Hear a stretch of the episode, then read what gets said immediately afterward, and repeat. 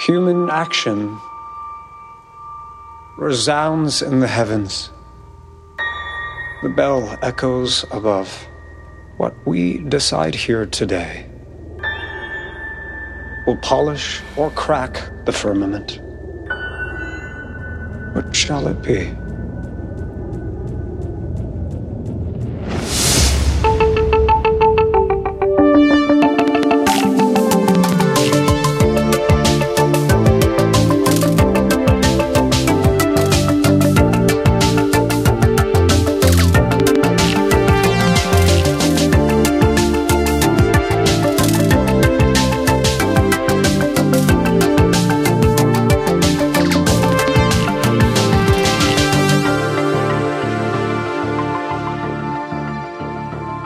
Hade varit så lätt för mig att säga att Winter is coming. Men eh, även om vi är där nere i träsket och skrapar efter innehåll så finns en gräns för hur förutsägbara även vi kan vara.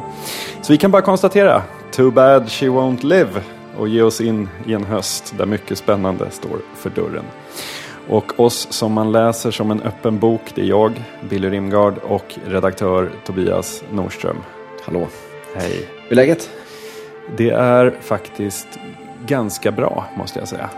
Ja, men du ser, du har en lyster idag som jag inte har sett, eh, eh, vad heter det, på kanske eh, senaste halvåret. Det är så alltså? Ja. Ja, vi började i måndags med ett eh, stort projekt ehm, där jag, eh, det är tio pers eh, som jag projektleder och det är, eh, då måste man ju vara lite på tårna så att för eh, jag eh, har eh, haft en sjukt intensiv men kul vecka faktiskt. Eh, Otroligt, mysigt. Mm. Det är bra när det är lite sånt här, lite tempo. Så. Ja, jag fattar, jag fattar. Härligt att höra. Men vad heter det, på tal om att projektleda. Eh, läste du att jag såg det här, vi har sagt, en boing boing, men att det finns eh, bland de mest vanliga namnen på, eller vi kan göra så här, kan du gissa bland de mest vanliga namnen på dator, datorsystem och framförallt övervakningsprogram som olika polismyndigheter runt om i världen har? Eh, Ed 209. Nej, men det var en kul gissning. Ja. Eh, det är då, eh, vad heter det, någonting som involverar Skynet. Okej, alltså det är det man döper sina system till alltså. Ja, jo, och det... det jag, ty, Förlåt, det- får jag bara, får jag bara bryta? inte det sånt som man döpte sitt wi- första wifi till? Ja, typ. Det, är bara för att, det, är väl det som... Alltså, jag tänker mig att här, det är ju någon programmerare eller någonting som sitter och gör de här programmen. Det är väl det enda nöjet den här programmeraren får i hela det här projektet. Det är att den får ge namn till, eh, ja, till vad det ska heta. Och då, då blir det väl någonting som ligger kärt om hjärtat. Men det, det uppmärksammades någonting i den här storyn som jag inte eh, kände till. Nämligen att eh, när den brittiska militären eh, hade någon slags kommunikationssatellit i slutet på 60-talet så hette den Skynet. Jaha, Så, fråga, så frågan är ju om det snarare kanske är James Cameron som snodde Skynet därifrån till Terminator och liksom alla, eh, alltså det är en slags rundgång i det, i det hela så att säga. en klassisk hönan och ägget situation. Ja, och det roliga är ty- tydligen så finns det till och med en kinesisk eh, övervakningsenhet som ha, har sitt projekt döpt till Skynet fast på kinesiska då. eh, så det, det, det är liksom, it's a global thing. Himmelnätet låter Ja. inte lika coolt. Nej, eller ja, det låter ju ganska poetiskt ändå. Ja, det gick ut något så dekret från säkerhetsavdelningen om att man absolut inte fick ha eh, så här, hösten 2017. Och, alltså, det var så många som hade sådana passwords. Ja. Man tog. Men du, Men, men, namngivnings... men, men, men det där kommer jag ihåg när jag själv jobbade på myndighet. Då gjorde jag ju också det. Ett, ett ord. Jag tror jag gick igenom typ Van Morrisons skivtitlar och sen vad heter det eh, året och nummer på månaden typ.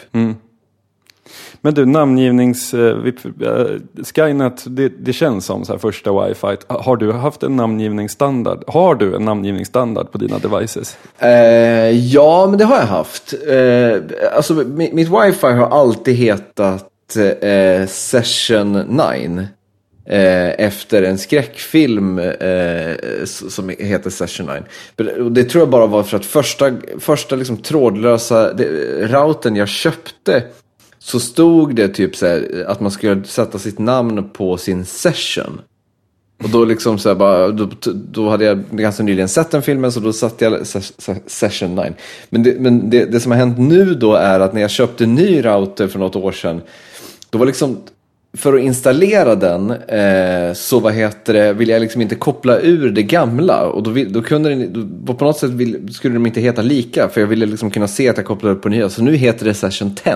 Så nu har liksom kopplingen till originalgrejen eh, stannat. Ja, precis. Men annars så heter mina olika datorer, eh, de är döpta efter Star Trek-skepp. Mm -hmm. eh, så att jag sitter alltså nu på eh, Voyager, och, ja, så finns det liksom lite olika. I, ja, jag, I nätverket så att säga. Jag hade ju av en slump. Alltså det var en, en kompis hjälpte mig att installera någon eh, disk som höll på att strula eller något sånt där. Och så skulle den få ett namn. Jag tror han bara skrev in Goebbels. Så här. Eh, och då, man vill ju ändå så här, man vill ju ändå fortsätta på någonting. Så att det kom någon extern disk som hette, fick heta Himmler och ja men sådär. Det var lite tyskar, eh, tyskar från mitten av förra seklet liksom mm. som, som grejerna hette. Det här är ju alltså början av 00-talet. Eh, jag jobbade på ett fackförbund. Hade blivit ombedd att göra en presentation eh, som jag hade suttit hemma och knepat på. Det var någon film jag hade suttit och klippt. Jag kommer inte ihåg vad fan det var. Jag hör ju eh. redan, var, jag förstår ju redan vartåt det här barkar. Men ja, ja. och um, så hade jag med mig den på min bärbara hårddisk. Uh, och skulle Vilke, va, va, på Himmler då eller? Ja, precis. Mm. Um, och um, var i ett rum med tre chefer och kopplade in den i eh, min chefsdator. Och det stod plum, Himmler is connected. Awkward. Hur landade det? Eh, ja, alltså det, det, det känns det, också på, på just ett fackförbund så skulle det här liksom kunna det var en ganska känslig sak känns det så.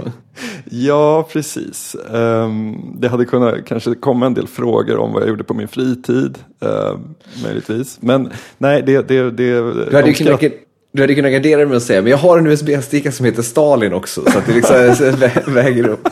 precis, jag har bara en massa mördande. Ja, mördande despoter. Nej, så den namngivningsstandarden rök kort efter det kan jag meddela. Det var liksom, jag insåg att det var en det var ett, ett minfält att ha massa devices som hette tyska, tyska herrar från mitten av förra seklet. Men har du någon ny naming standard nu då? Eller? Ja, det jag kör på nu är väl olika eh, alltså olika mätvärden för eh, eh radioaktivitet. Ah, snyggt! Mikroröntgen och Curie och ja, sådana saker heter det. Ah, men, det ah. men det är inte mina devices som heter det utan det är alla konstiga Äh, ja, massa airports och wifi och allt vad det är. Jag fattar. Så. Ja, vi, vi, vi, körde ju förra veckan eh, ett antal eh, förslag på adaptioner som, som eh, borde göras. Det var ju vår lyssnare och donator Christian Schaffner som hade föreslagit det ämnet. Och vi, han, vi fick lite feedback där på, på våra förslag. Jag menar, ska vi, kan vi gå igenom snabbt vilka vi hade? Du började med Fallout. Yes. Ja. Och du, du började med? Speedball 2. Brutal eh. Deluxe. ja, och jag började med, vad, heter det, um, eh, Hephaestus. Nej, det, jag, ja, det var en grek. ja, precis. Sen hade jag Hephaestus som, som pratade om robotar i antiken. Eh, och vilken var din sista? Thunder Road av Tamara Thorne. Just det, just det. Eh, och det, det föll ganska väl ut med, med Christian kan man väl säga. Ja, han skrev så här att jag skulle säga att jag tycker alla fyra förslagen var riktigt bra. Men två favoriter är, där den första är såklart är Fallout eftersom jag är ett så stort Fallout-fan själv. Eh, det är nästan omöjligt att inte ha en våt dröm och få uppleva en tv-serie i den världen. Jag tror faran är att Fallout har hamnat i facket att de stora bolagen inte vågar ta i det med tanke på alla fanproducerade serier och filmer. Och det här var det faktiskt flera såklart som tipsade oss om efter förra avsnittet. Att det finns ju en hel del liksom, grymma fan-made stuff mm, i mm. Fallout-världen. Och jag har sett dem och ja, alltså jag, jag tycker ju de är liksom bra så. Men det är ju ändå så här, det är ändå fan, fan-made. Jag tycker lite högre produktionsvärde skulle vara fett. Liksom. Ett tips om man gillar Fallout-universumet, jag tror vi kan ha tipsat om honom förut, men det finns en, en brittisk YouTuber som heter Many a True Nerd som spelar igenom Fallout-spelen och sätter upp olika begränsningar för sig själv, vilket gör att han utforskar spelen på, på helt nya sätt. Han har bland annat en, en genomspelning där han till exempel bara har en health bar, så att all skada han tar är liksom permanent. Eh, och så håller han koll på det själv. Han har en annan genomspelning där han eh, ska döda alla i Fallout 3. Eh, det man kan inte döda alla eh, eftersom att det är några, några figurer som är odödliga. Men och då, då- så istället då så får han liksom planera vilka quests han gör när. Så han kan dö, för vissa kan man då döda efter att man har gjort klart deras questline. Eh, så det, det är ett jävla planerande han måste liksom göra för att hålla sig väl med alla och samtidigt då eh, göra klart quests innan han, så, så att så många som möjligt liksom stryker med. Det finns även en annan, jag tror han också är britt, Oxhorn heter han. Han är mer fokuserad på lore. Han gör långa så här lore-avsnitt eh, i Fallout-världen och går igenom locations och liksom olika karaktärer man möter och sånt där. Det är sjukt kul att kolla på. Men sen det roligaste var att Christian fortsatte här i sin respons och så sa han så här, jag har haft exakt samma upplevelse av Speedball 2, att man ville ju veta mer, mycket mer än bara själva sporten. Det där är faktiskt, eh, jag har hört det från två andra också, att så här, fan du tänkte likadant som jag. Så här, lite otippat ändå, att jag trodde det bara var jag som var freaket här, men eh, ja. Är det nu vi, vi traskar upp på Fox eller någonting sånt där med, med en idé? Ja, verkligen. Fast de kommer bara vilja ha nu metal och inte fjäder. Ja, men det, det får väl vara liksom, vad heter det, dealbreakern så att säga. du menar när de säger så här, Att ring- vi ska, vi ska ha nu metal, då blir det inget säger vi. skulle du backa, skulle, skulle om du hade den visionen och satt på Fox och de bara så här, ja så här, det är, eh, det här låter bra, Mike Kinoda från Linkin Park kommer skriva soundtracket. Skulle du, skulle du gå då? Nu är ju jag lite svag för Linkin Park. Ja, så så att det skulle jag nog, där skulle jag nog liksom inte kunna låta bli att tycka att det var ganska fett. Eh, men om det istället var liksom såhär eh, Tom Morello, ja ah, Korn, ah, eller jag skulle säga Tom Morello från Rage Against the Machine, men, men eh, Korn är ännu värre. Eh, eller liksom såhär Papa Roach återförenas och gör soundtracket. Då, då, hade jag, då hade jag nog sagt att nej, då blir det inget. Hade- Vad, hade, vad hade du gjort? Eh, jag hade nog bara sagt okej. Krypit in i någon grotta och jobbat. Nej, jag vet inte. Nej, men alltså, ja. Men jag tänker så om man ska göra en sån serie, liksom en sån serie då, då ska det bli bra. Annars kan man ju lika gärna skita i det. Ja. Ja, men det känns, ja, nej, vi ska inte gå Du, in på du, detalj. du tänker mer så att det ska vara en fot in i branschen och sånt där. Men ja, ja. Jag vet. Nej, jag vet inte. Men alltså så här, vissa sådana där grejer kan jag verkligen känna är, är uh, dealbreakers någonstans. Alltså så här, man vill ju, om man har en, kreativ vision och sen så måste man liksom kompromissa bort vad man själv upplever är en liksom, stor bit av den. Då blir det inte längre en kreativ vision utan då är det ju liksom en, ja, ett jobb. Mm, jo, verkligen. Men eh, jag skulle nog ljuga om jag sa att det var det som fick mig att gå därifrån. Okej. Ja. Ja. Jag läste att det, var, det, finns ju, det finns några nivåer i detta. Ehm, Terry Pratchett, den gamla, numera döda eh, fantasyförfattaren. Ehm, en hårddisk med hans eh, ofärdiga romaner, eh, typ tio stycken böcker, eh, kördes över av en ångvält eh, i enlighet med hans sista önskan om vad som skulle hända. Kul? Eller? Alltså så här, på, ja, såklart. Eh, jättekul. Eh, men jag har ju säga, jag har ju ganska svårt för det där med folk som bryr sig så mycket om vad som händer med grejer de gör efter att de dör på något vis. Eh, jag, jag, jag kan tycka liksom, alltså jag, jag är ju till exempel eh, lite grann av åsikten att till en sån sak som dagböcker, det är fair game när man har gått bort. Eh, därför att så här, då, då finns liksom, de, då, man, det där får man sköta innan man dör om man vill rensa bort saker menar jag. Ja, det, Det är, ja. Det är liksom så här, det är det enda ansvaret man har typ. Att, se, att se till vad man lämnar till eftervärlden på något vis. Eh, och, och, jag vet inte, det, det, om man tänker sig om man lämnar till exempel som, som så en, en dagbok. Då är det ju kanske då främst de allra närmaste man inte vill ska läsa den. Eh, och det Eller är ju, vill, eller inte vill, eller vill. Ja, ja Eller? precis, exakt. Ja, men hur, hur man nu känner. Ehm, men, men det, för det jag tänker är så, om, vi ser om, om, om man går bort, man, man skulle ju fullständigt skita i om en främling eh, som inte kände en överhuvudtaget läste dagboken om tre år. Eh, för det skulle inte betyda någonting för den personen. Nej. Eh, så, så det jag menar är på något sätt att det, det, det och jag, jag- känner att det, jag känner verkligen samma med ofärdiga eh, litterära verk. Det, det är liksom så, jag förstår inte riktigt vad man vinner på det. Eh, så, här, ah, så länge man, alla vet att det är ofärdiga grejer så vad heter det, är det bättre att det lämnas kvar vid någon slags liksom, forskningssyfte. Lit, så litteraturvetenskapligt. Men om vi fortsätter med Pratchett. Eh, nästa paragraf så står Det, det så här. det, det, det jag gillar med det är ju att det är väldigt Pratchettskt så att Ja. säga.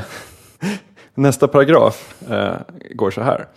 Pratchett's hard drive was crushed by vintage John Fowler and Company steamroller named Lord Jericho at the Great Dorset Steam Fair. Alltså det, det, det är ju liksom en, en short story av Terry Pratchett. Eh, och det, där, det, det, njuter man ju av på något sätt. Att det, det känns helt i linje med vem han var som författare. Fotona eh, som tillhör artikeln visar då ett gäng eh, ganska tjocka eh, män, eh, britti, britter, som då har samlat sina gamla ångvältar på ett fält. Så. Det, det, hur där finns du- det ju lite humor ändå. Där ja, absolut. absolut. Men hur kände du själv när du läste det här? Att jag skulle vilja se dokumentären om The Great Dorset Steam Fair. Ja. Fil- filmade lite samma känsla som, som Heavy Metal Parking Lot. Att de bara går omkring och möter de här Det, männen. nå- det finns ju en dimension av det här som jag inte heller gillar som är just det här med att man på något sätt eh, går excentriska män till mötes. Det är som det här med att Hunter S. Thompsons aska skulle skjutas ur en kanon. Alltså det, det, det vad heter det? Precis, för det involverar en man som äger en kanon och tycker om att skjuta med den. Ja, alltså det, det, det blir någonting. Man låter de här männen vara de grandiosa figurerna som de själva ser sig som. Även då i, i, i deras eftermäle på något vis. Och det, det, så det, det, kan, det är fint, det finns något fint i det såklart. Men det finns också någonting så, som, som upprätthåller någonting. Eh, som, är, som i grunden är grandiost, kan jag känna. Ja. ja. Um, Sån är jag. sån är du. Ja. Jag, jag tycker vi lämnade Pratchett Ja, vi, vi, därhän. Det var, det var den- inte lika den här kul som jag tänkte. Jag tänkte att det fanns comedy i detta. Men, eh, Ja, men det, det det gör kanske ju. finns det i subtexten. Men jag ser liksom en massa så här Top Gear-män framför mig. Ja. Som, som tycker Jeremy Clarkson är, är härlig. Undrar om de tävlar med sin ångvältar. Om de är så här precisionsångvältning, fartångvältning. Ja. Det finns så mycket frågor Ja, men och så jag- få svar. Gör man det? Jag vet att det var ju SM i till exempel ehm, eh, gräsklipparracing, här, eh, vad heter det, för någon vecka sedan. Ja, Så, så att folk, folk håller på med sånt, eller folk, killar håller på med sånt där. Det, jag har det- sett ett sånt race faktiskt på Öland. en gräsklippare med 140 hästar, den gick undan kan jag säga. Jäklar. Jag sitter, nej jag ska fan inte göra det nu. Jag, jag, I min telefon satt jag här och började skriva in Great Dorset Steam Fair i YouTube-sökfältet. Men det får bli någonting för kvällen. ja, ja. Så där på småtimmarna, när, när, när man behöver en liten skjuts. Ja. Då, då googlar man upp det. Men du, excentriska män och deras maskiner. Eh, Ja. var det liksom en samtidsreferens till eh, den här ubåtsmannen i Danmark? Nej, det var det ju inte riktigt medvetet kan jag säga. Men, men, eh, Hashtag inte alla män som bygger egna ubåtar.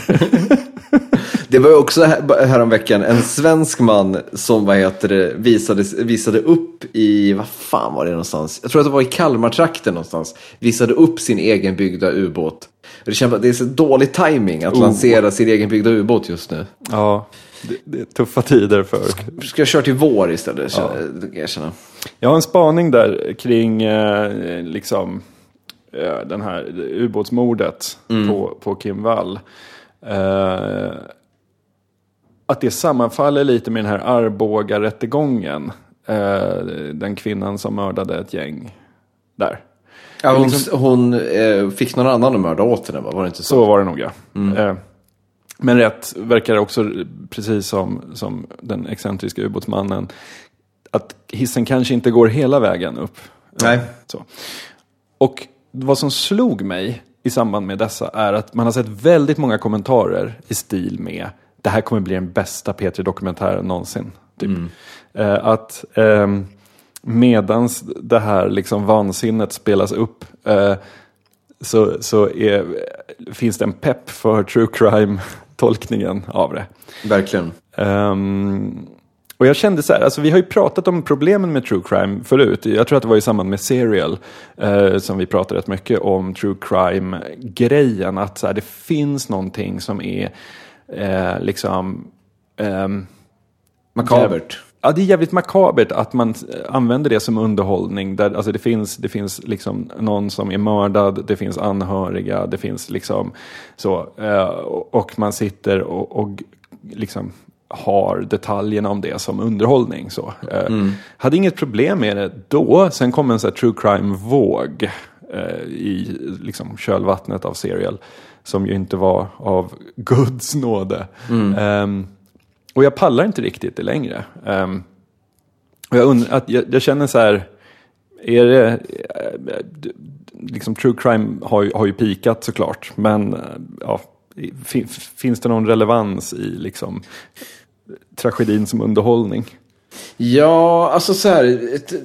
Det beror på lite vad man menar med underhållning. Det jag, det jag har tänkt, har tänkt på det senaste året typ med Serial. Jag tänkte på det i alla fall när den andra säsongen av Serial gick som handlade om eh, Bo Bergdahl. Lyssnade du på den någonting? Eh, det var ju han, eh, den amerikanska eh, soldaten som hade suttit fång, fångad hos Al-Qaida, eh, blev frisläppt under eh, Obamas tid eh, och sen då, det var liksom lite så här oklart hur han hade blivit tillfångatagen och hur det egentligen hade funkat när han satt i, i, Al-Qaidas fångenskap. Vissa hävdade att han liksom eh, att han var liksom någon slags homeland-figur, alltså skulle kunna ha omvänts och så vidare.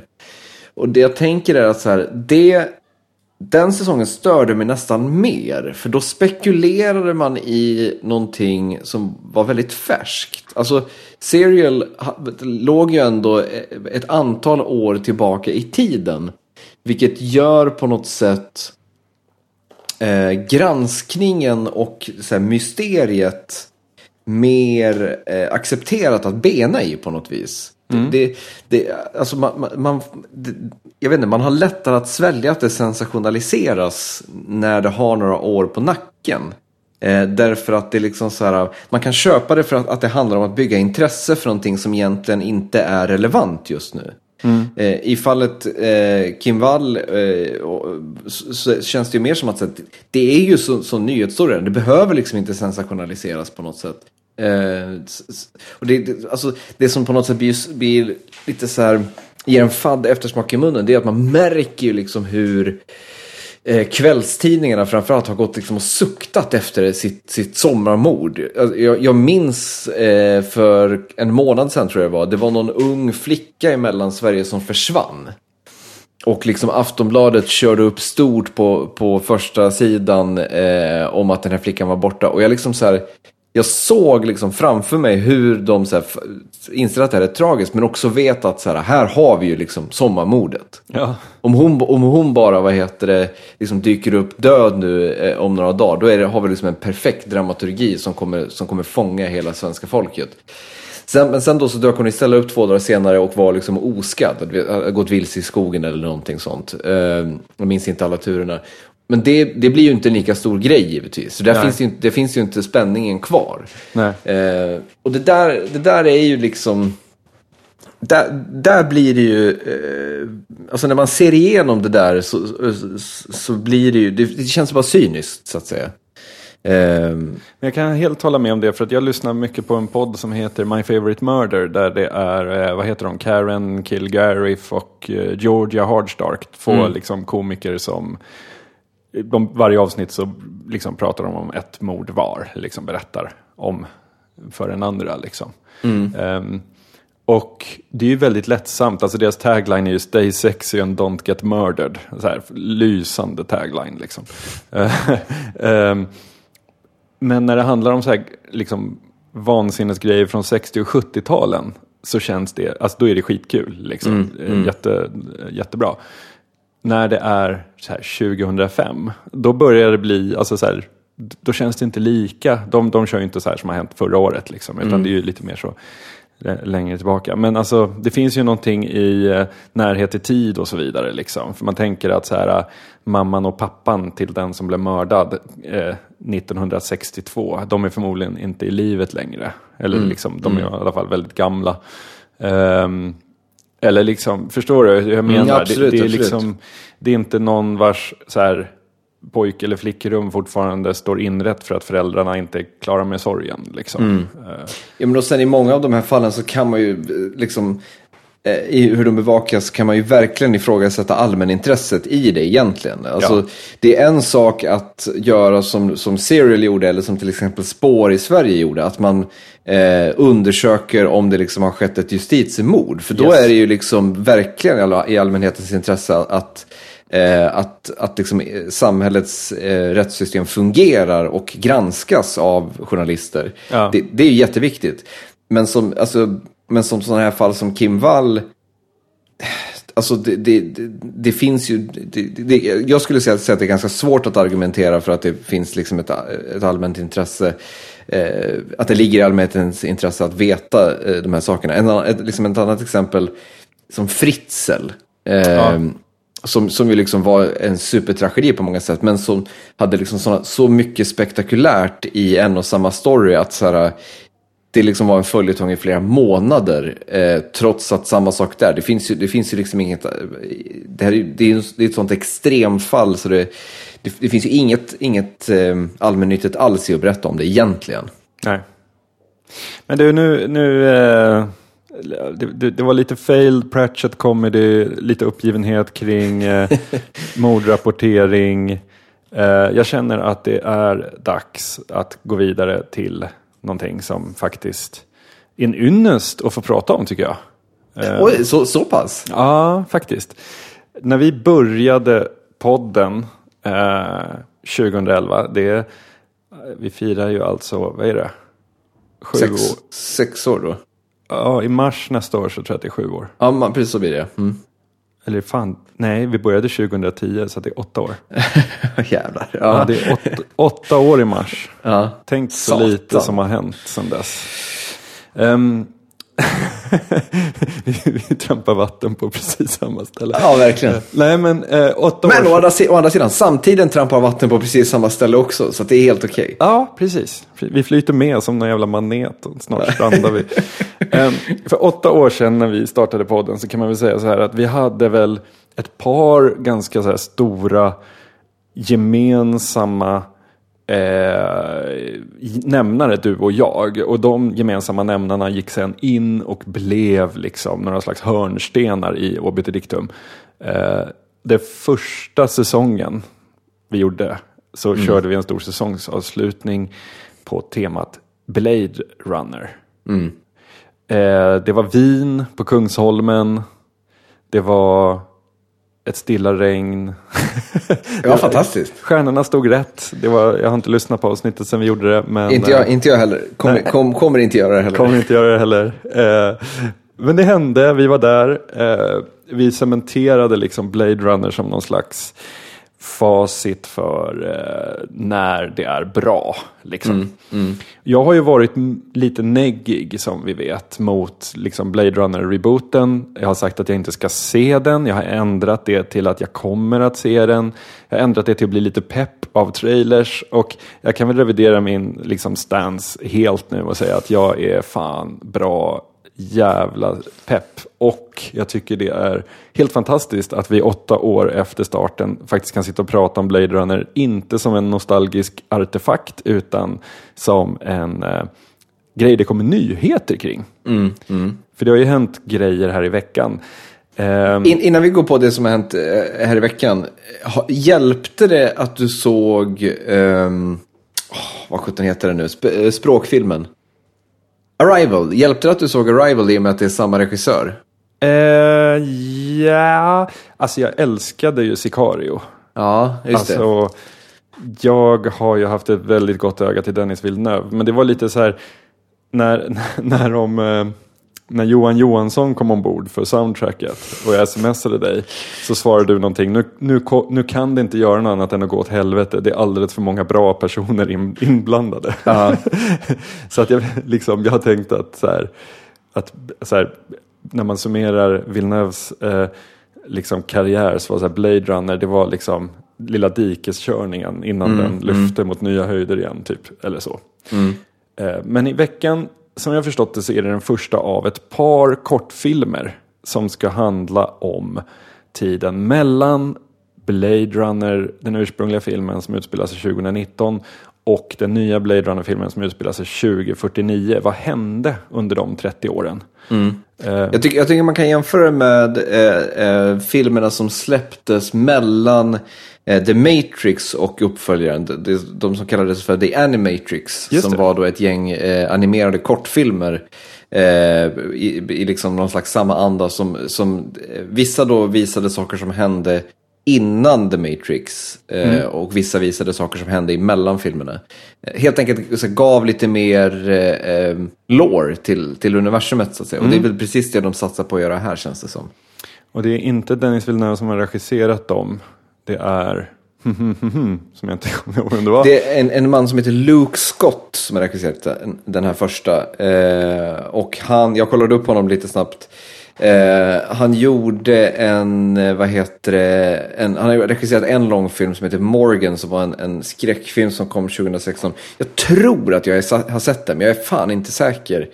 Eh, den lämnade helt enkelt inga jättebestående intryck. Men framförallt så har han jobbat mycket med Ridley Scott. Han har varit second unit director åt honom eh, och lite, lite sådana grejer.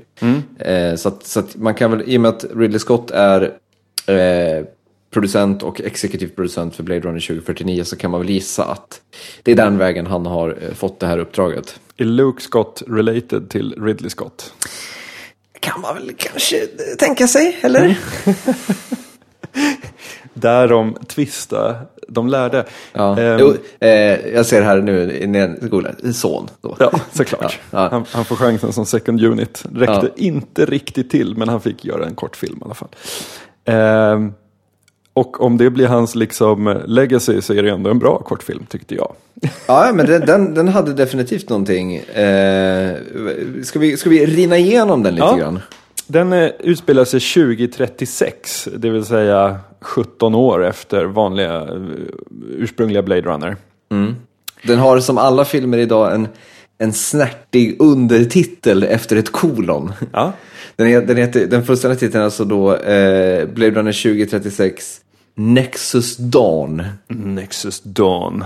Det som av en tillfällighet även titeln på Korns nya album. Dun, dun, dun. Men har du tänkt på, det har ju hänt eh, ett litet liksom, paradigmskifte i det att man, eh, filmstudiorna har lämnat bindestreck, eller tankstrecket snarare i filmtitlarna till förmån för kolonet.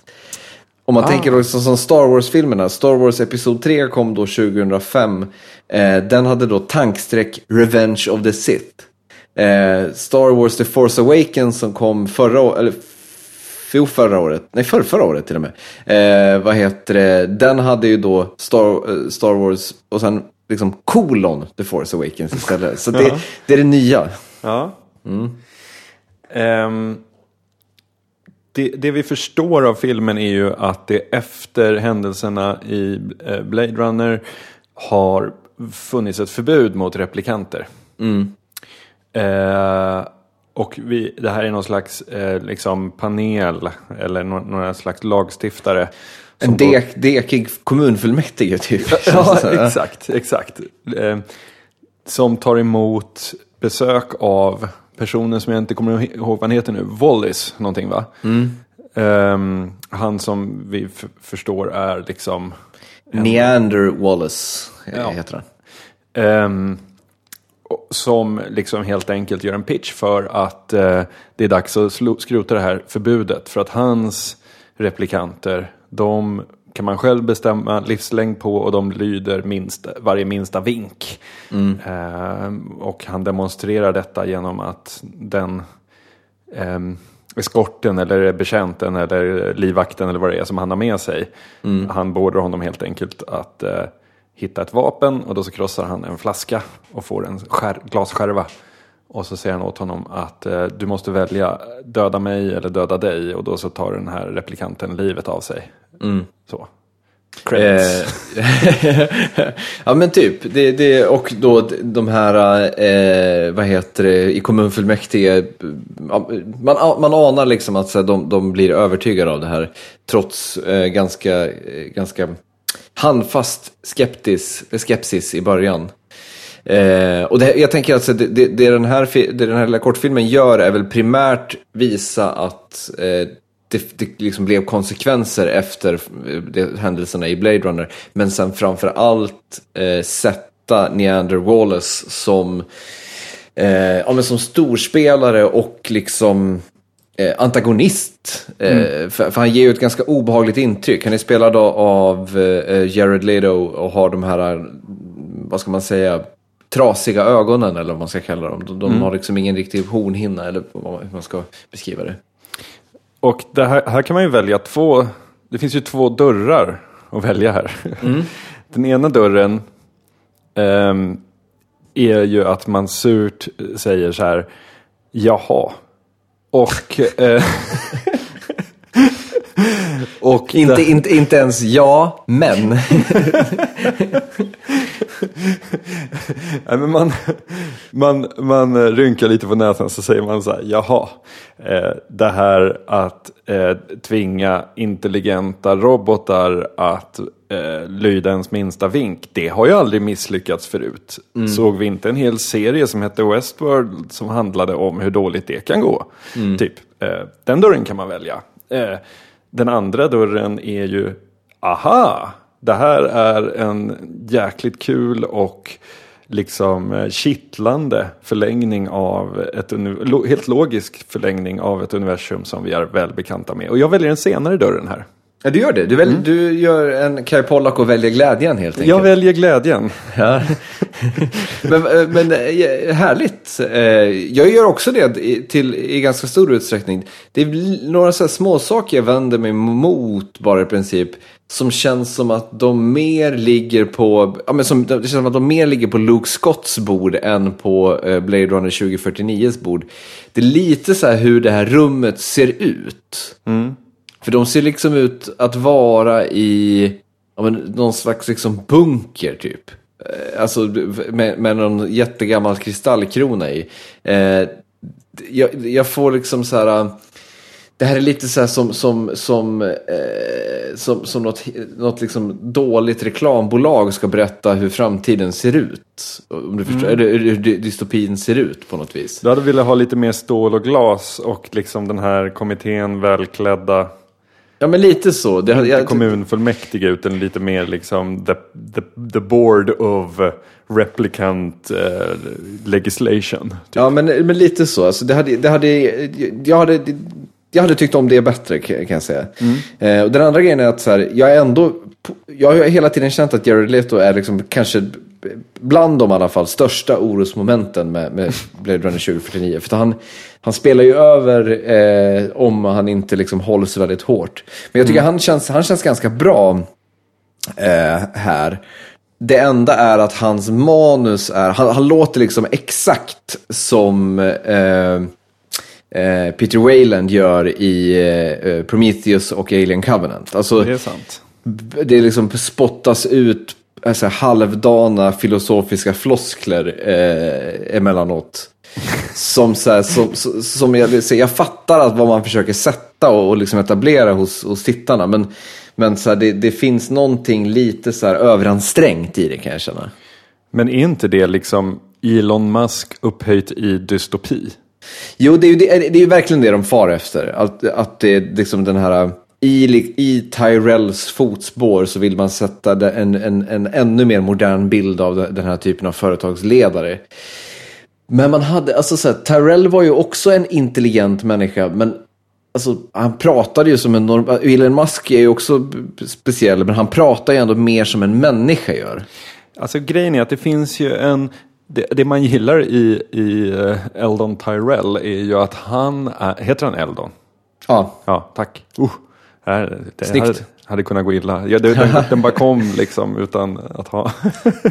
Eh, det man gillar med honom är ju någonstans att han är ju mer som en så visionär företagsledare som sitter där uppe i sin glaspyramid väldigt långt ifrån gatan där man köper nudlar och tror stenhårt på sin grej och är liksom eh, cradlar sina babies eh, som är replikanterna och är fascinerad av dem och vill lära av dem och, och liksom utan att se konsekvensen av vad det blir. Men han har ju inte det här sitta och klappa en katt på en tron och smida planer-grejen. nej. Och det kan man väl säga a- att eh, den här Wallis har lite mer av. Ja, han, han drar definitivt mer åt det hållet. Eh, och det, det, det som på något sätt, det som, jag tror att det som skaver det, alltså jag ska säga att jag, jag, är, jag känner ändå mycket mer förtroende för den här karaktären än vad jag, jag gjorde för, innan den här veckan började. Eh, för den, den kändes mycket mer, Neander Waller känns mycket mer intressant än vad jag trodde han skulle göra.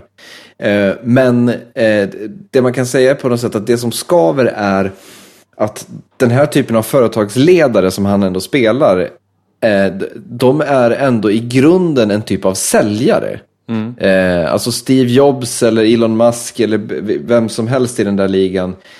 Det, alltså de har ändå någon gång i sin karriär när de gjorde sig stora lyckats motivera människor. För annars så kan du liksom inte bygga ett imperium eh, på det sättet. Och du kan inte bli en profil på det sättet om du inte kan eh, vara på något sätt intressant. Nej. Det spelar ingen roll hur intressanta grejer du gör. Om du inte kan prata om dem på ett intressant sätt så kommer ingen vilja lyssna på dig ändå. Nej. Och jag menar så Steve Jobs kunde liksom stå och trollbinda miljoner människor som tittade på hans bullshit om att de skapade magi på Apple och så vidare. Och det är ändå någonting. Och det jag menar är att när man är så, då måste man kunna prata på ett sätt så att man gör sig förstådd. Inte sitta och muttra med kvasifilosofiska, halvfarliga... Nej, liksom så här, precis. var det här ett hot eller en pitch? Liksom. Ja, alltså så här, eh, att Elon Musk pratar om att han tror att vi lever i en datasimulering, det är fullt rimligt. Eh, och då kan han även bli avancerad. Men att han sen då skulle bli mörk och, pra- och liksom så här, gå tillbaka och, och, och här, citera, eh, inte vet jag, John Locke eller Jeremy Bentham eller någon annan liksom, ga- gammal filosof på det sättet. Det skulle liksom skära sig. Det, för det, det skulle, då skulle han istället bli, bli eh, filosofiska rummet. Eh, och det är inte det liksom folk vill höra. De vill ha den visionära tanken som känns som att den gör ett hopp, inte blickar bakåt. Eh, men det, det, det är, får man ändå säga är en petitess i det här, eh, i det här sammanhanget. Jag tycker man ska syna sömmarna nära när det är någonting man bryr sig om. Faktiskt. Absolut.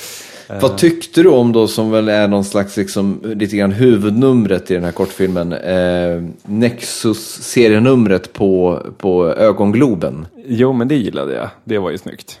Ja, jag, ty- jag tyckte det var väldigt snyggt. Och också så här, det är så på något sätt som att de har, om man tänker att eh, Deckard i Blade Runner sprang runt och letade serienummer på, på liksom celler så har man på något sätt insett att så här, det var kanske inte så bra för att det, var liksom, det, det blev för lätt för Nexus eh, eh, Nexus-modellerna att gömma sig om, om, man, om man ska behöva ett mikroskop för att avslöja dem. Så att man, det, det känns rimligt också på, på, ett, på ett ganska bra sätt.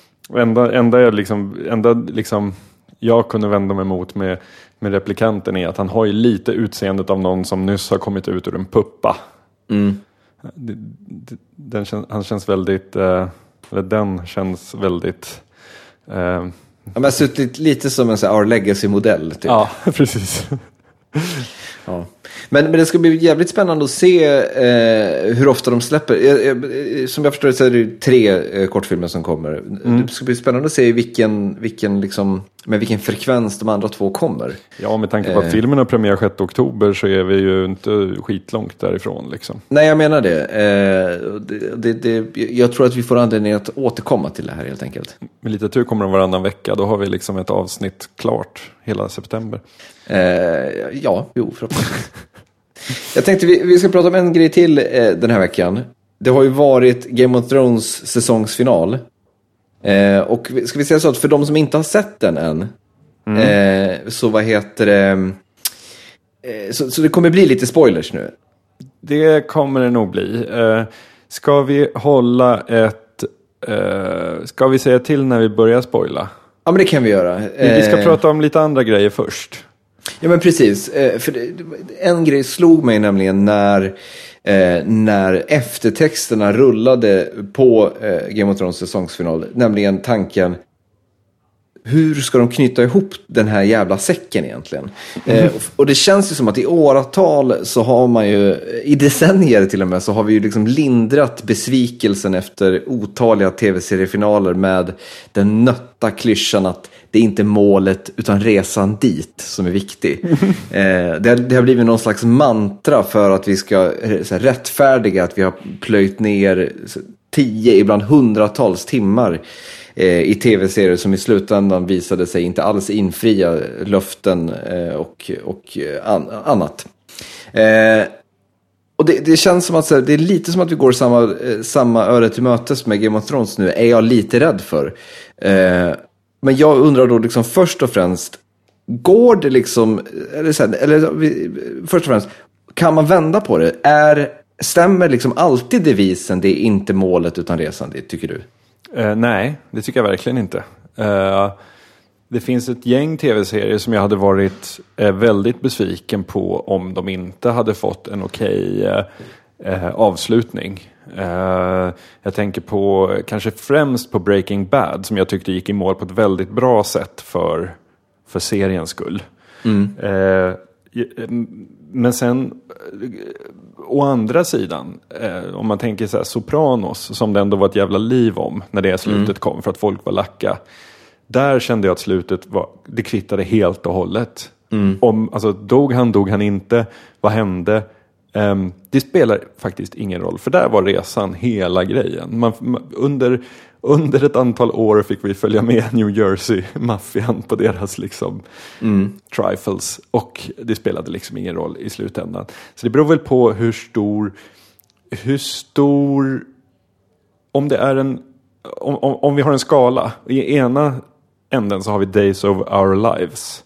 Ehm, där är resan allt.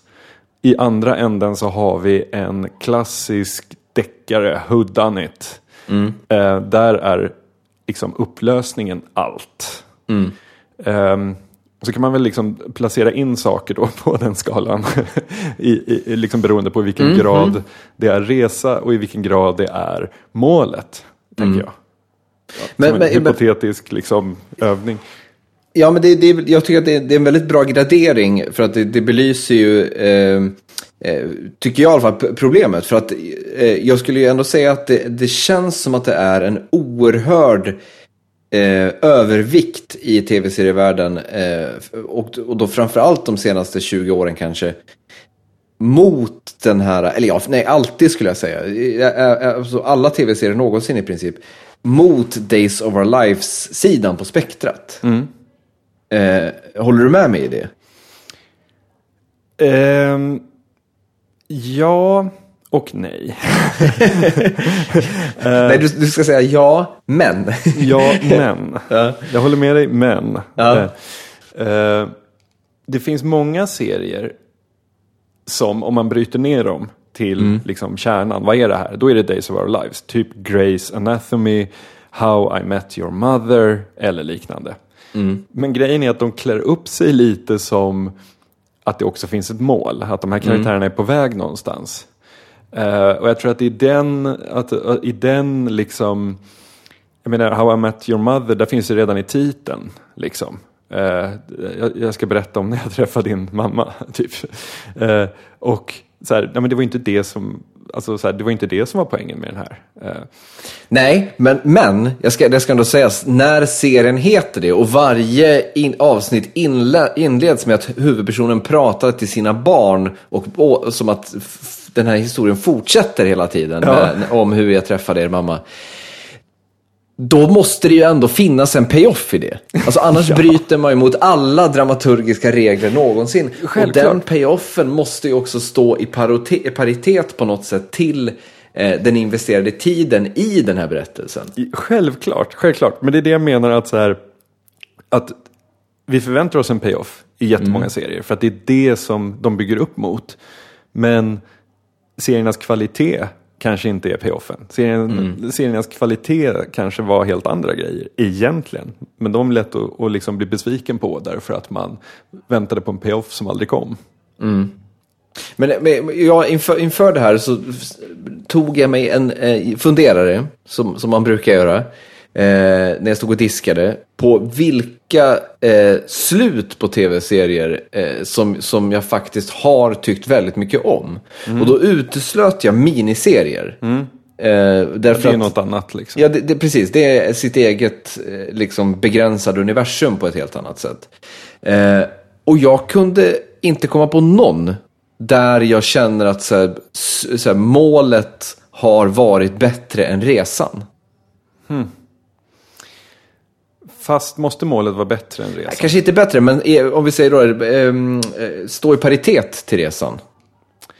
Om man säger så här då, eh, serier som jag tycker har gått i mål på ett värdigt sätt. Eh, som, där, där man inte har liksom suttit efteråt och liksom känt. Eh, bara så här off the top of my head så tänker jag The Shield.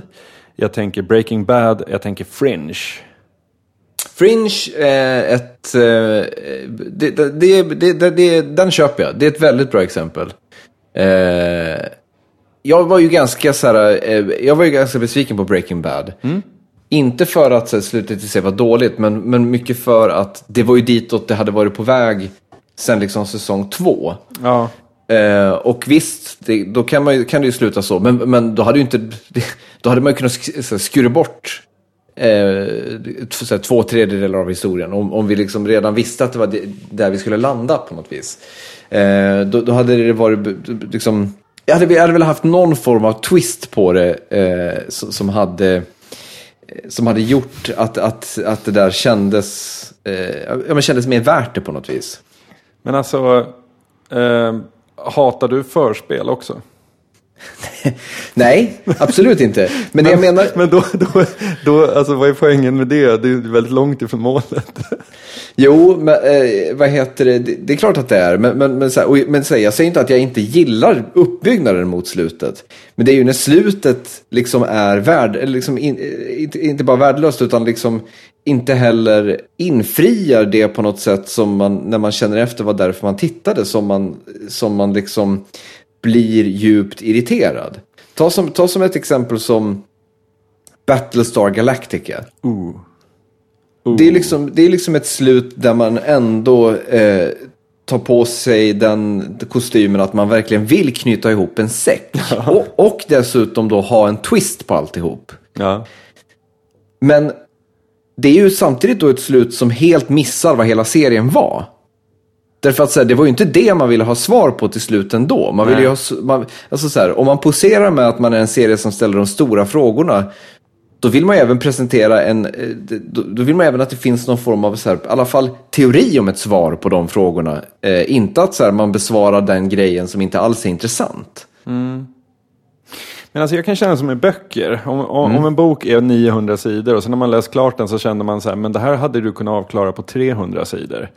Då kan jag känna mig blåst. För då känner jag så här, fan det tog jävligt lång tid och det var bara en enda lång omväg från att nå fram hit. Så. Men en tv-serie, om, om man tar som Breaking Bad exempelvis, ja, den var på väg mot det slutet ända sedan säsong två. Men det var ändå så här en resa, jag, alltså så här, jag hade inte velat att det skulle vara en två säsongers serie. För jag tyckte att man hann utforska rätt mycket kul grejer på vägen. Och det fanns många sidospår som liksom var härliga små anhalter. Liksom. Ehm, så jag, jag tror att det beror, helt på ehm, det finns ju de här andra sorterna serier där man verkligen känner så här.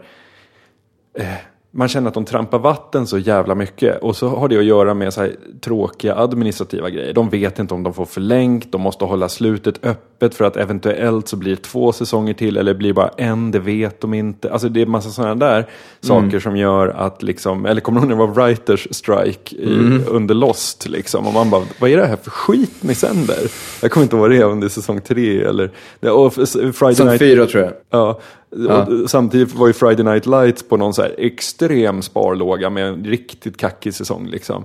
Ehm, vilket gör att, så här, var de säsongerna dåliga? Ja, det var de. Men så här, betyder det att den stora story-arken inte behövde liksom sex säsonger.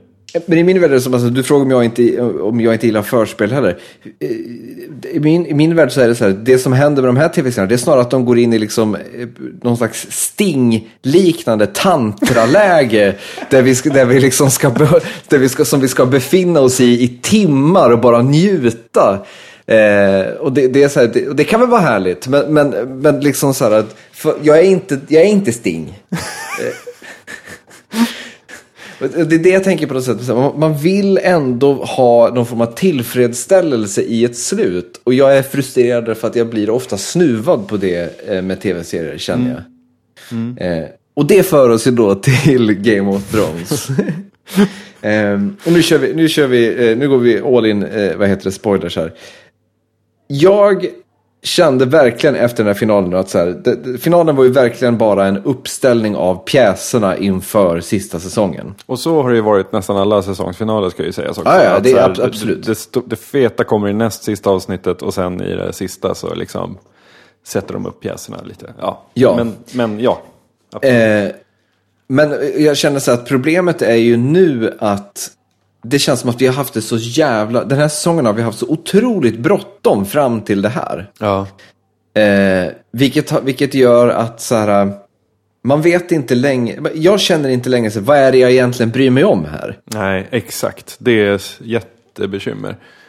Det är så här, bry, Jättebekymmer. Bryr jag mig om The White Walkers och liksom eh, The Norths kamp där? Bryr jag mig om vem som kommer sitta på The Iron Throne på slutet? Bryr jag mig om klanen Stark? Alltså var ligger mitt, mitt intresse i den här konflikten egentligen? Ja. Och, det, och det, så här, den osäkerheten har fu- funnits hela tiden i Game of Thrones.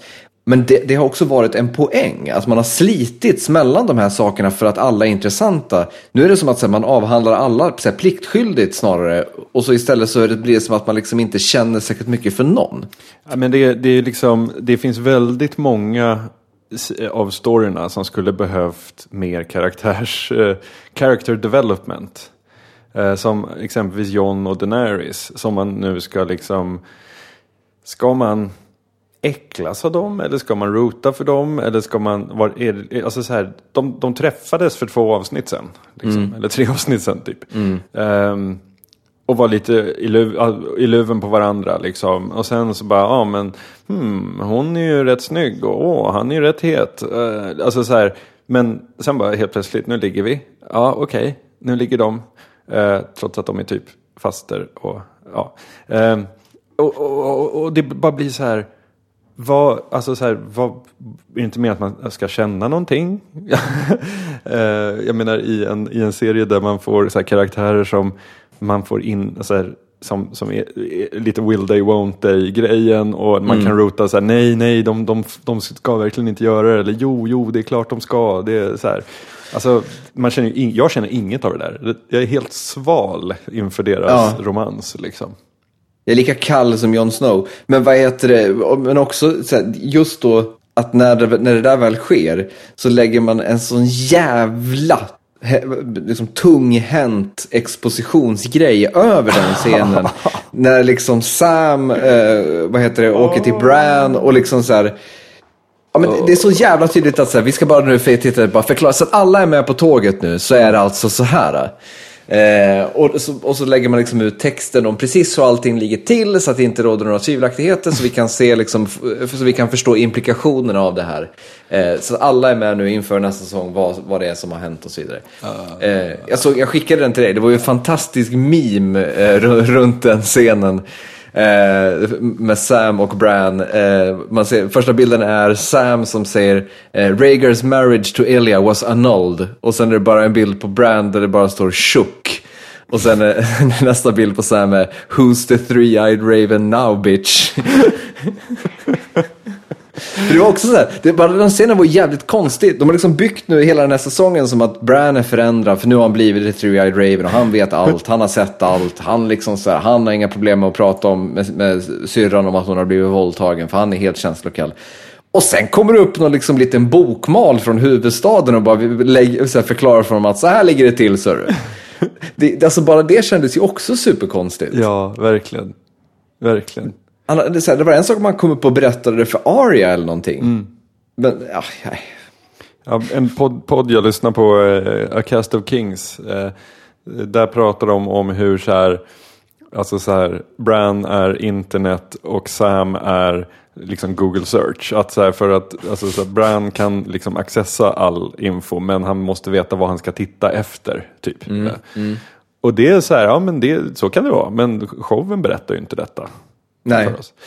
Men sen så har jag, alltså mi- mitt stora så här, alltså man kan göra sig jättelustig över all exposition, man kan göra jätte, sig jättelustig över tidsaspekten, man kan göra sig jättelustig över vart man hittar stora kedjor och hur de döda kan simma ner och liksom fästa dem på en drake när döda inte kan simma och, ja, men, och så vidare och så vidare. Det går, det går liksom hur isen fryser. Det, fin, det finns lite så, lite så kallade plot holes här och det var. enkelt. finns det. Ehm, Så man kan flyga en eh, isprutande drake igenom om man vill. Precis, så stora är de.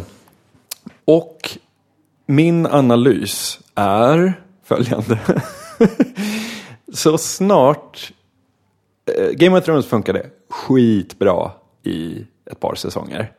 Ehm, när det övernaturliga och magin och sånt var sånt som man anade fanns eller liksom fick hint om att det fanns men inte såg in action. Men så fort, så fort man för in magi i en berättelse och inte har solklara regler för liksom hur den magin funkar. Eh, s- Som den här, eh, kommer du ihåg i, jag vet inte vilken säsong det är, det är en tidig säsong när hon, eh, Melisandre heter hon va, the, the, Fire Witch. Eh, ehm, hon frammanar ju någon, något vidrigt jävla monster som dödar han, eh, någon kung i, på slagfältet. Eh, och han bara, "Jaha, vad hände där? Eh, kan vi inte skicka runt en sån här till lite fler? Varför, varför kunde inte en sån ta sig in då när, när de skulle anfalla Kings Landing? Varför, varför kunde du inte föda fram tio sådana bästar som bara gjorde rent hus? Ehm, och den, det är ju samma sak nu. Så här, vilken sorts vapen är det egentligen som kan döda White Walkers? Och, och hur är det, kan The Night King gå förbi The Wall? Eller eh, liksom, var det inte massa enchantments där? Och, alltså vad är reglerna? Så här, Att så fort man får in magi och inte har en regel för, alltså så här, det är därför som eh, Sagan om ringen funkar så jävla bra. Nämligen att så här, Gandalf använder ju bara magi om han måste i absoluta nödfall. För att magi är någonting stort, någonting farligt, någonting som man egentligen inte bör liksom rucka världen med. Utan kommer en balrog då kan det finnas anledning att plocka fram den. Men så här, ligg lågt med, med magin. Liksom. Ehm, men, men Game of Thrones har ju liksom använt magi som en, en um, bakdörr till allting. Att shit, hur ska vi lösa det här? Jo men vi löser det på det här viset. Och så kan man bara liksom köra lite häftiga eldflammor och så. Det är min analys, jag är klar. Håller det. Ja, men, men jag, det, du, det, det, är väldigt tydligt i alla fall att det inte finns ett tydligt regelverk. Eh, och att man tummar väldigt mycket på, på saker och ting. Eh, och, och vi var inne på det för några avsnitt sedan också. Det, det, jag tror att den absolut största skurken i dramat är det som du sa då, nämligen att nu när, de, fly- när HBO flyger fritt eh, så är det liksom så här de, måste, de ska hitta på det själva först och främst. Men helt plötsligt så är det också massa mer folk som har saker att säga till om. Som, som kan tycka till om hur saker ska bli. Och helt plötsligt så är någonting som, som eh, annars skulle kunna bredas ut på tre säsonger ska liksom ner på tolv avsnitt istället. Eh, för det ska vi också komma ihåg att de här två sista säsongerna är ju kortare också, eh, vad heter det, än, än tidigare säsonger har varit. Så att så här, jag tror att det dels är det sker liksom en tempoväxling som, som var nödvändig om serien skulle vara så lång som det, som det är bestämt att den ska vara. För att man liksom har följt böckerna fram till en punkt och sen helt plötsligt så ska man göra lika mycket till på mycket, mycket mindre tid på ett, på ett sätt. Ja. Eh, och då blir det ju, då känns det ju hackigt. Speciellt då eftersom att man har vant sig vid det andra tempot. Man har vant sig vid liksom så här små eh, birollsfigurer som kommer och går för att förklara våra huvud, huvudrollsfigurer. Eh, man har lärt sig liksom att det kommer twists and turns på saker och ting. Eh, vilket leder fram till andra saker. Det är liksom ingen spikrak väg. Nu är det liksom boom, boom, boom, spikrakt på allting istället. Ja. Eh, men vad tror du då? Det, det snackas ju nu om att nästa, sista säsongen inte kommer förrän 2019 någon gång. Vi får väl se eh, hur det blir. Men, men vad tror du då? Ko- Kommer, eh, kommer jag bli frustrerad igen, tror du? Ja, det tror jag. Det tror jag. Jag tror inte det här går i mål på ett sätt som gör någon lycklig. Nej, vad tror du, vad är det man ska liksom så här, vad är det, det, det, det stora, det, vad ska man säga, eh, the final end? Kommer det vara vem som sitter på the Iron Throne eller vem som besegrar eh, den, den döda armén? Jag gissar att, och annars, så, eh, annars är de dumma i huvudet, på riktigt. Jag gissar att den döda armén besegras ganska fort i säsongen. Att det liksom- Det, det tror jag också, helt, helt klart. För de, nu är de förbi muren och stormar neråt. Alltså låter man det gå lite tid så kommer de vara framme i Kings Landing på liksom, jag menar, det, det går ju ganska fort för dem, det ser vi. Ja, De, de kommer ju vara i Winterfell ganska snart om inte alla annat liksom. Så jag tror faktiskt att de kommer besegra eh, eh, Army of the Dead väldigt fort, hoppas jag. För att sen liksom verkligen bli Game of Thrones ehm, all in liksom med Ja. scheming och allting. Eh, sista på upploppet. Eh, Min profetia är att eh, den döda armén kommer liksom vara exakt som The Droid Army i Star Wars Episode 1. Till en början liksom omtalad som att så här, de har sån otrolig makt och är, är liksom farliga. Men sen kommer det ganska snabbt visa sig att de kommer liksom dö som käglor när det väl liksom kommer vara en viktig strid. Ja. Eh, det finns även liksom så här Independence Day-scenariot med att eh, på något sätt så hittar de ett sätt att döda The Night King och så dör allihopa. För det har Ja. ju liksom hintats om väldigt mycket. Eh, men, så, och, men däremot så tror jag att eh, Dan, eh, vad heter eh, Danny kommer få lov att offra sina två drakar för det här. Därför att då liksom har man ett jämnt spelfält och så måste hon bli, eh, försöka bli drottning på egna meriter istället för liksom bara grejen med att hon har eh, vapen till sitt förfogande så att säga. Det är min, min, min profetia. Vi får väl se.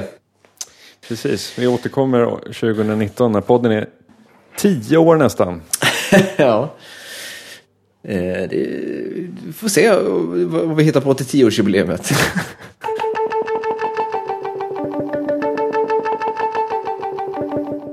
Men där är vi klara eh, för den här veckan. Vi ska som vanligt runda av med att tacka ett gäng av våra kära Patreons som har varit med och eh, bidragit till att eh, göra den här podcasten lite, lite bättre.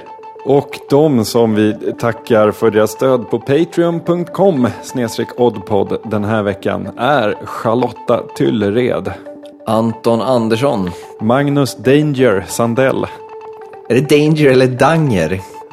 Danger tycker jag, ja. Niklas Fredriksson. Tobias Wahlqvist, Jakob Mugino.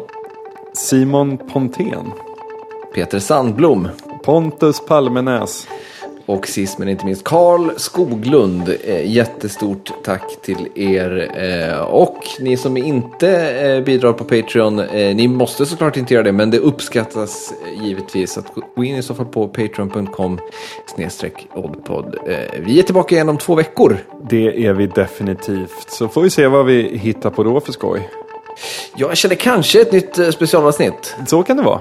Ja, i serien Hemliga Sällskap. Vi får väl se. Ja, det kan bli nå- något spännande. Tror Ta hand om er tills dess så hörs vi. Det gör vi. Hej då.